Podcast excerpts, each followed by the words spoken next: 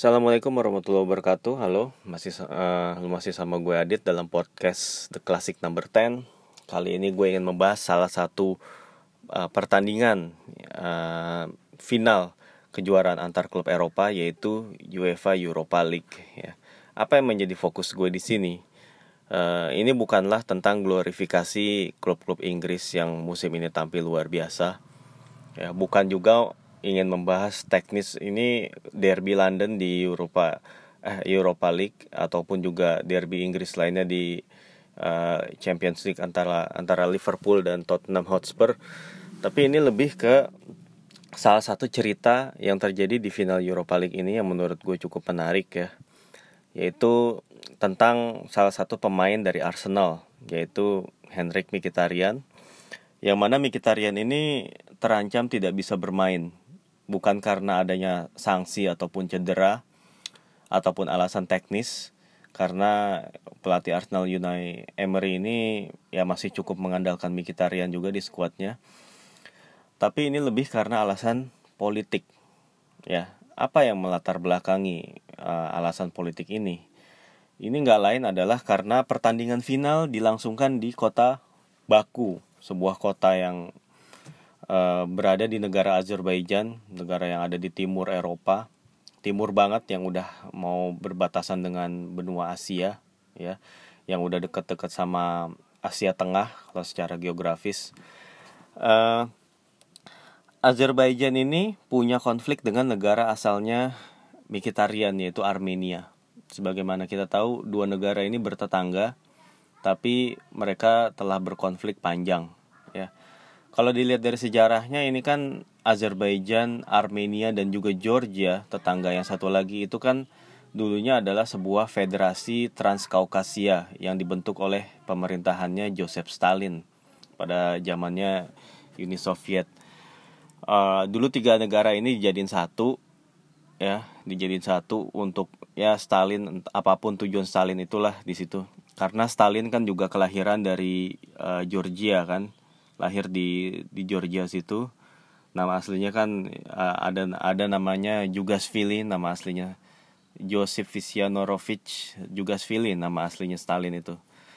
Uh, lalu kemudian uh, setelah Uni Soviet merdeka ini kan negaranya membentuk republik sendiri-sendiri kan Georgia sendiri lalu kemudian Armenia sendiri Azerbaijan sendiri. Nah Stalin ini rupanya masih meninggalkan masalah nih yang sampai sekarang kemudian menjadi alasan konflik antara Armenia dan Azerbaijan. Ya untuk diketahui uh, Azerbaijan ini mayoritas Muslim, Armenia mayoritas Kristen, tapi bukan itu. Bukan itu yang melatar belakangi konflik antara kedua negara. Tapi dulu Stalin pada saat pemerintahannya itu pernah uh, mendirikan sebuah kayak pusat ekonomi atau hmm, kayak semacam apa ya pusat federal uh, negara pusat apa sih namanya tuh otonomi sendirilah gitu yang ada di wilayah negara Azerbaijan namanya Nagro Karabah Nagro Karabah ini kayak semacam ya jadi yang tadi gue bilang pusat ekonomi ada di Azerbaijan ya. Tapi kemudian uh, pada perkembangannya si Nagorno Karabakh ini jadi sengketa karena diperebutkan oleh Armenia dan Azerbaijan. Ya.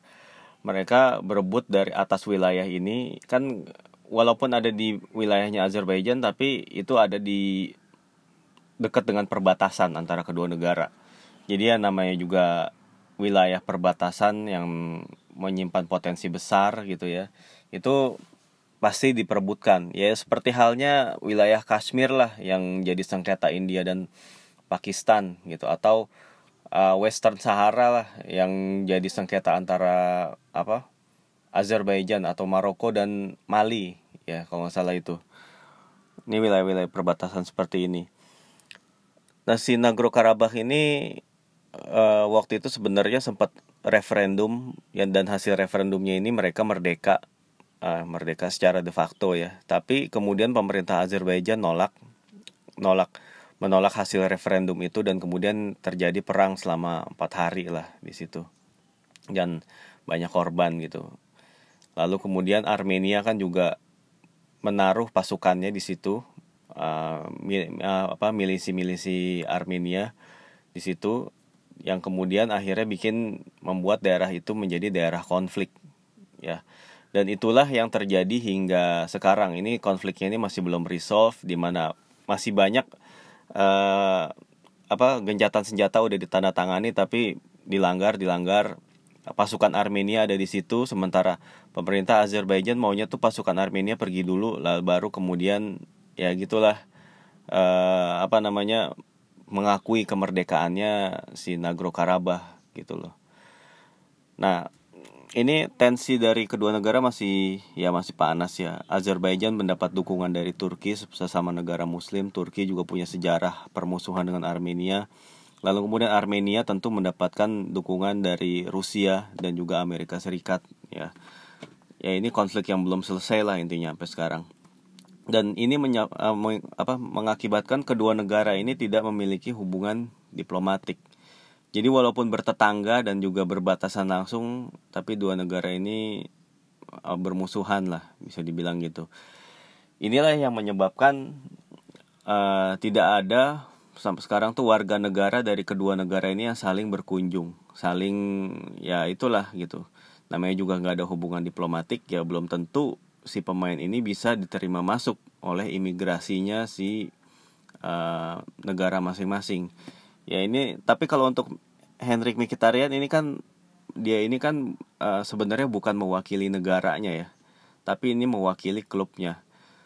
Tapi tetap aja ini ada apa akan ada potensi kesulitan di apa di wilayah imigrasi ya. Yang mana pastinya pemerintah Azerbaijan akan mengantisipasi banget nih kalau si ada si Mkhitaryan ini masuk ke negaranya yang mana dia orang Armenia yang tidak punya hubungan diplomatik. Ya kalau negara nggak punya hubungan diplomatik kan ya lu keselamatan lu di negara itu nggak nggak nggak terjamin ya. Artinya di kalau lu nggak punya hubungan diplomatik kan setahu gue ini gue gue sih bukan orang tentang yang apa yang mengerti tentang diplomasi negara. Gue gue juga bukan anak hubungan internasional. Tapi yang gue tahu sedikit aja gitu ya kalau lu nggak punya hubungan diplomatik berarti kan lu nggak punya perwakilan di negara itu. Nggak ada kedutaan lah gampangnya gitu. Artinya ketika misalnya lu ter, uh, mengalami kesulitan di sana atau ya uh, apa namanya pokoknya ada sesuatu terjadi sama lu gitu. Pemerintah negara lu itu akan sulit untuk mengirimkan bantuan gitu. Karena nggak bisa masuk ke wilayah negara itu gitu loh ya pokoknya uh, mirip-mirip mungkin kayak waktu lu cerita filmnya apa uh, Argo lah ya waktu ada konflik yang meletus antara Amerika dan Iran gitu kan yang kemudian membuat uh, staf-staf diplomatiknya Amerika itu sulit untuk keluar dari wilayahnya Iran ya. Dan akhirnya waktu itu mereka nyamar jadi orang Kanada ya intinya ya Mikitarian bisa mengalami kesulitan-kesulitan kayak gitu seandainya dia tetap uh, masuk tetap dimasukkan dalam skuad dan kemudian tetap uh, bertolak ke kota Baku gitu. Jadinya emang ini uh, ini ya gue juga kalau jadi si Mikitarian juga mikir-mikir sih. Maksudnya lu masuk ke sebuah negara yang mana lu uh, apa namanya keselamatan lu nggak terjamin gitu. Ya mungkin juga mirip-mirip ketika uh, orang Indonesia ingin apa berziarah ke Baitul Maqdis atau Masjidil Aqsa ya yang kalau yang se sependengaran gue sama cerita-cerita orang lain itu kan uh, Baitul Maqdis itu ada di wilayahnya Israel ya, di mana Indonesia kan juga nggak punya hubungan diplomatik sama Israel. Ya, yang mana kalau lu pergi ke Baitul Maqdis ya lu harus benar-benar waspada jadinya gitu. Karena kalau terjadi apa-apa sama lu, pemerintah Indonesia akan sulit untuk memberikan bantuannya gitu. Ya, ngomong-ngomong soal uh, hal ini ya sama sepak bola juga. Ya emang uh, politik dan sepak bola itu walaupun orang-orang pada bilang ah keluar keluarin lah politik dari sepak bola ini nggak ada hubungannya gitu. Tapi tetap itu akan selalu berkaitan ya. Ngomong-ngomong soal Indonesia sama Israel tadi ya waktu zamannya Bung Karno kalau nggak salah kualifikasi Piala Dunia berapa ya? 58 ya? 58 either 58 62 atau malah 54 ya gue lupa itu Indonesia udah mencapai babak kualifikasi dan udah melewati kualifikasi di level Asia Tenggara kalau nggak salah. Kemudian dia mereka harus uh, bertanding melawan Israel. Dan di mana waktu itu Indonesia menolak bertanding sehingga uh, waktu itu akhirnya jadinya nggak jadi lah Indonesia tuh melanjutkan langkahnya ke kualifikasi Piala Dunia gitu. Dan ini juga banyaklah terjadi hal-hal cerita-cerita seperti ini di sepak bola gitu ya Contoh lainnya adalah uh, ketika terjadi pertandingan apa ya yang yang cukup menjadikan sebuah perang gitu gara-gara pertandingan itu ada antara Honduras dan El, El Salvador waktu kualifikasi Piala Dunia 70 ya. Kalau nggak salah 70. Yaitu dua negara ini uh, berperang karena sepak bola gitu. Pokoknya ya pertandingan sepak bola ini memantik perang ya semua sempat terjadi penyerangan gitu antara kedua negara ya. Yang kemudian akhirnya ya setelah itu perangnya selesai juga sih tapi kedua negara akhirnya nggak ikut Piala Dunia itu. Lalu kemudian ada juga dia di wilayah Balkan itu banyak banget konflik kan sebagaimana kita tahu ya. Uh, pemain seperti Zvonimir Boban waktu itu sempat uh, ada kasus ketika dia menendang seorang polisi ya dalam pertandingan Dinamo Zagreb dan Red Star uh, Belgrade. Yang waktu itu akhirnya Boban dihukum selama enam bulan karena dia ngebelain supporternya waktu itu. Itu emang sebuah uh, pertandingan yang sangat panas dan syarat nuansa politik. Ada yang bilang tendangannya Boban itu memantik perang saudara tapi gua rasa ya nggak nggak sebegitunya lah. Itu emang konfliknya aja udah di situ udah memanas dan emang udah emang udah mau perang aja gitu ya tendangan Boban ya itu itu emang cuman kayak jadi salah satu dari sedikit uh, eh, gue nggak bilang ini pemantik tapi ya inilah kayak menggambarkan situasi yang ada saat itu aja lah gitu loh. Lalu kemudian uh, ada juga uh, apa kalau yang mau mau yang kekinian ya itu kan uh, waktu di Piala Eropa 2016 itu kan ada pertandingan antara Swiss dan Serbia yaitu Piala Eropa Piala Dunia sih kalau nggak Piala Eropa ya. Itu kan ketika si Shakiri bikin gol itu dia kan selebrasinya seolah kayak menggambar uh, mengepakkan uh, sayap. Itu kan lambang dari burung yang ada di bendera Albania yang mana Shakiri itu kan punya keturunan Albania yang mana Albania itu kan juga di di uh, di aneksasi atau di apa sempat pokoknya berperang dengan uh, Serbia. Gitu ya. Jadi ya emang hal-hal politis seperti ini emang nggak nggak bisa lepas dari sepak bola ya. Ada pesan-pesan yang berbau politis dan juga apa namanya keterkaitan keterkaitan yang ada di luar lapangan itu mau nggak mau berpengaruh ke sepak bola juga. Bahkan ketika Piala Dunia 8 86 ketika Argentina bertemu dengan Inggris itu uh, tim Argentina itu membawa semangat dari perang Malvinas yang mana mereka kan akhirnya kalah dari di perang itu sehingga kepulauan Malvinas itu berganti nama jadi kepulauan Falkland gitu karena dikuasai oleh tentara Inggris. Dan Argentina itu kemudian kayak menjadikan pertandingan itu seperti seolah-olah kayak medan perang sehingga mereka tuh uh, sangat-sangat termotivasi untuk ngalahin Inggris gitu. Untuk setidaknya sebagai apa namanya pelipur lara lah dari kekalahan dari di uh, perang Malvinas waktu itu. Ya ini dan banyak lagi banyak banyak terjadi lagi pesan-pesan politik yang ada di sepak bola ya keterkaitannya. Walaupun uh, FIFA sendiri sudah bilang ya pokoknya politik itu harus di, dikeluarkan harus dipisahkan jauh-jauh dari sepak bola ya pesan-pesan politik semangat semangat politik. Bahkan ya eh, apa namanya sebenarnya nggak boleh klub itu diasosiasikan dengan uh, ideologi tertentu. Walaupun tetap aja uh, prakteknya di lapangan sih tetap masih kayak sebuah klub sepak bola itu kayak menjadi corong menjadi pesan gitu menjadi pembawa pesan bagi sebuah ke kepentingan tertentu untuk dibawa untuk supaya supaya dunia itu tahu ya. Bagaimana kita ngelihat uh, beberapa klub di dunia ini seperti Livorno itu kan terafiliasi dengan uh, gerakan kiri ya di Italia. Itu udah jelas banget ya. Dan juga kemudian Lazio itu kan juga terafiliasi. Beberapa lah beberapa penontonnya itu terafiliasi sama gerakan yang kanan. Ya kita waktu itu lihat waktu per, menjelang pertandingan uh, Milan Lazio di Coppa Italia itu kayak ada ada beberapa kelompok Lazio supporter Lazio itu yang parahnya sih uh, ngebentangin banner yang ngebelain apa Benito Mussolini gitu ya. Itu menurut gue ya aneh aja sih zaman sekarang masih kayak gitu ya.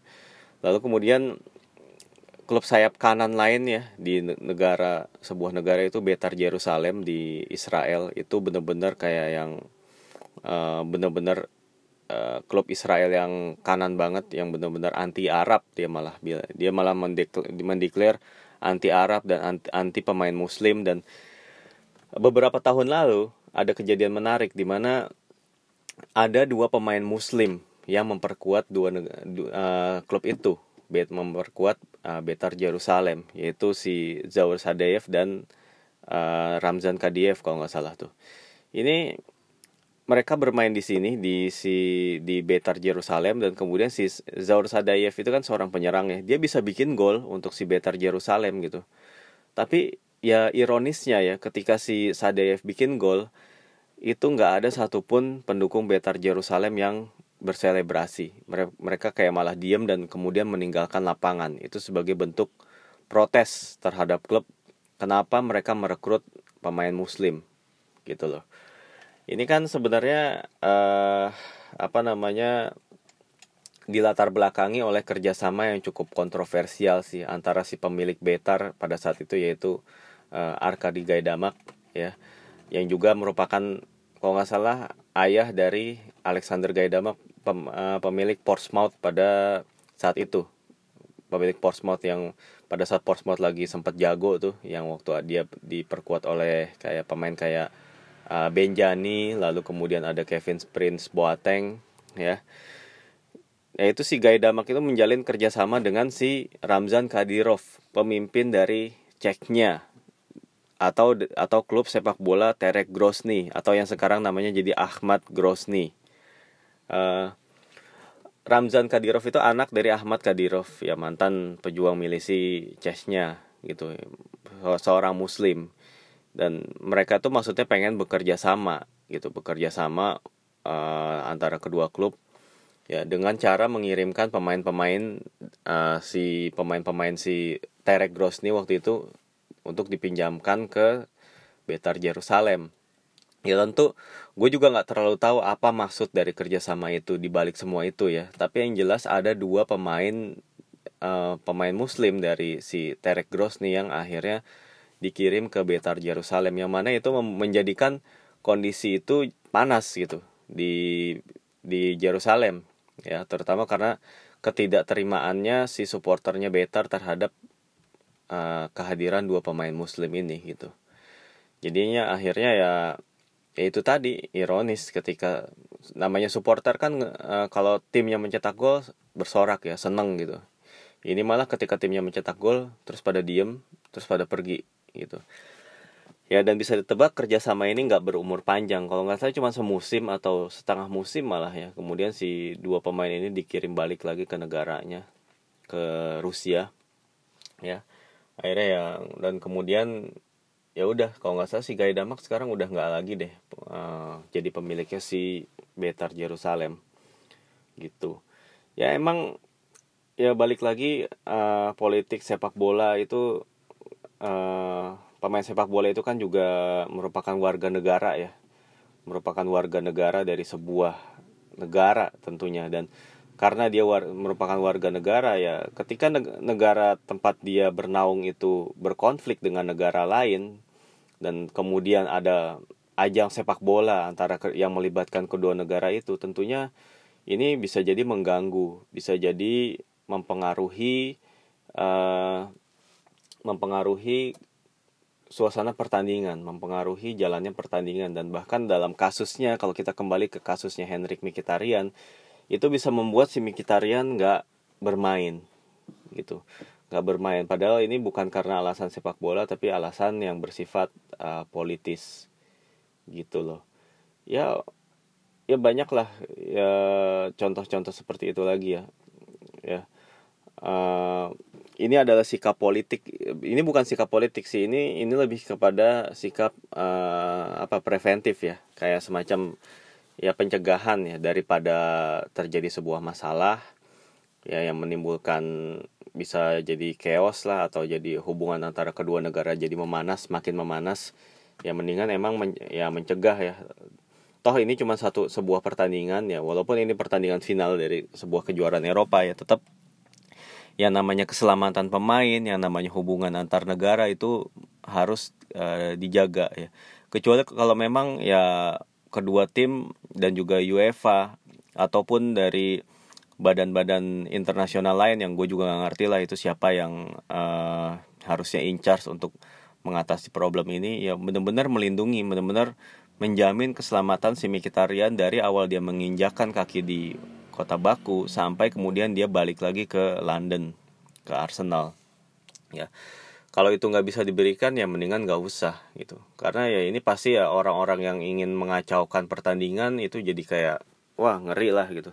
Itu berpotensi sekali dalam uh, merusak sebuah perhelatan internasional yang mana ini bisa bisa jadi presiden buruk uh, bagi UEFA sendiri dan juga bagi negara Azerbaijan dan juga bagi konflik antara Azerbaijan dan Armenia. Ya. Ya kurang lebih gitu yang akan yang gue bahas ya. Emang kita nggak bisa berharap sepak bola itu lepas sepenuhnya dari politik karena emang selalu politik itu ada ya kepentingan-kepentingannya itu menunggangi sepak bola gitu untuk membuat suara mereka didengar, untuk mendulang uh, suara, untuk mencari pendukung, meraih simpati, itu adalah tujuan-tujuan dari politisi dalam hal um, ketika dia mendompleng pada sepak bola. Ya, itu kurang lebihnya mohon maaf atas segala kurangan. Wassalamualaikum warahmatullahi wabarakatuh.